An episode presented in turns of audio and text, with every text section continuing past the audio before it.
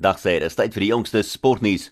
'n Paar lede van Engeland se krikettoergroep is platgetrek as gevolg van 'n grieperigheid 'n week voor die begin van die eerste toets in Suid-Afrika. Stewart Broad, Joffrey Archer en Jack Leach het alreeds die week se opwarmingswedstryd misgeloop en hulle siekte toestand het agteruit gegaan terwyl daar twee of drie ander spelers is wat ook siek geword het. En as gevolg van die siekte in die kamp, het vandag se opwarmingswedstryd teen Suid-Afrika aan sy status verloor as 'n eerste klas wedstryd.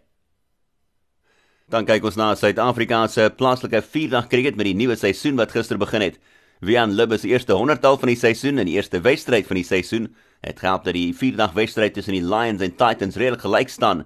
Lubbe het presies 100 lopies aangeteken met sy eh, tuisspan wat uitgebal is net voor die einde van spel vir 301 op die Wanderers Johannesburg.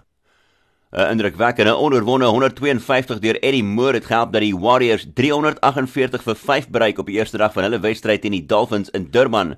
En dan was daar honderdtalle gewees vir David Beddington en Janeman Malan wat gehelp het dat die Cape Cobras die eerste dag oorheers van hulle wedstryd teen die Knights in die Parel. Die Cape Cobras het die dag geëindig op 266 vir 3 toe swak lugspel vroeg gestaak het op Boland Park.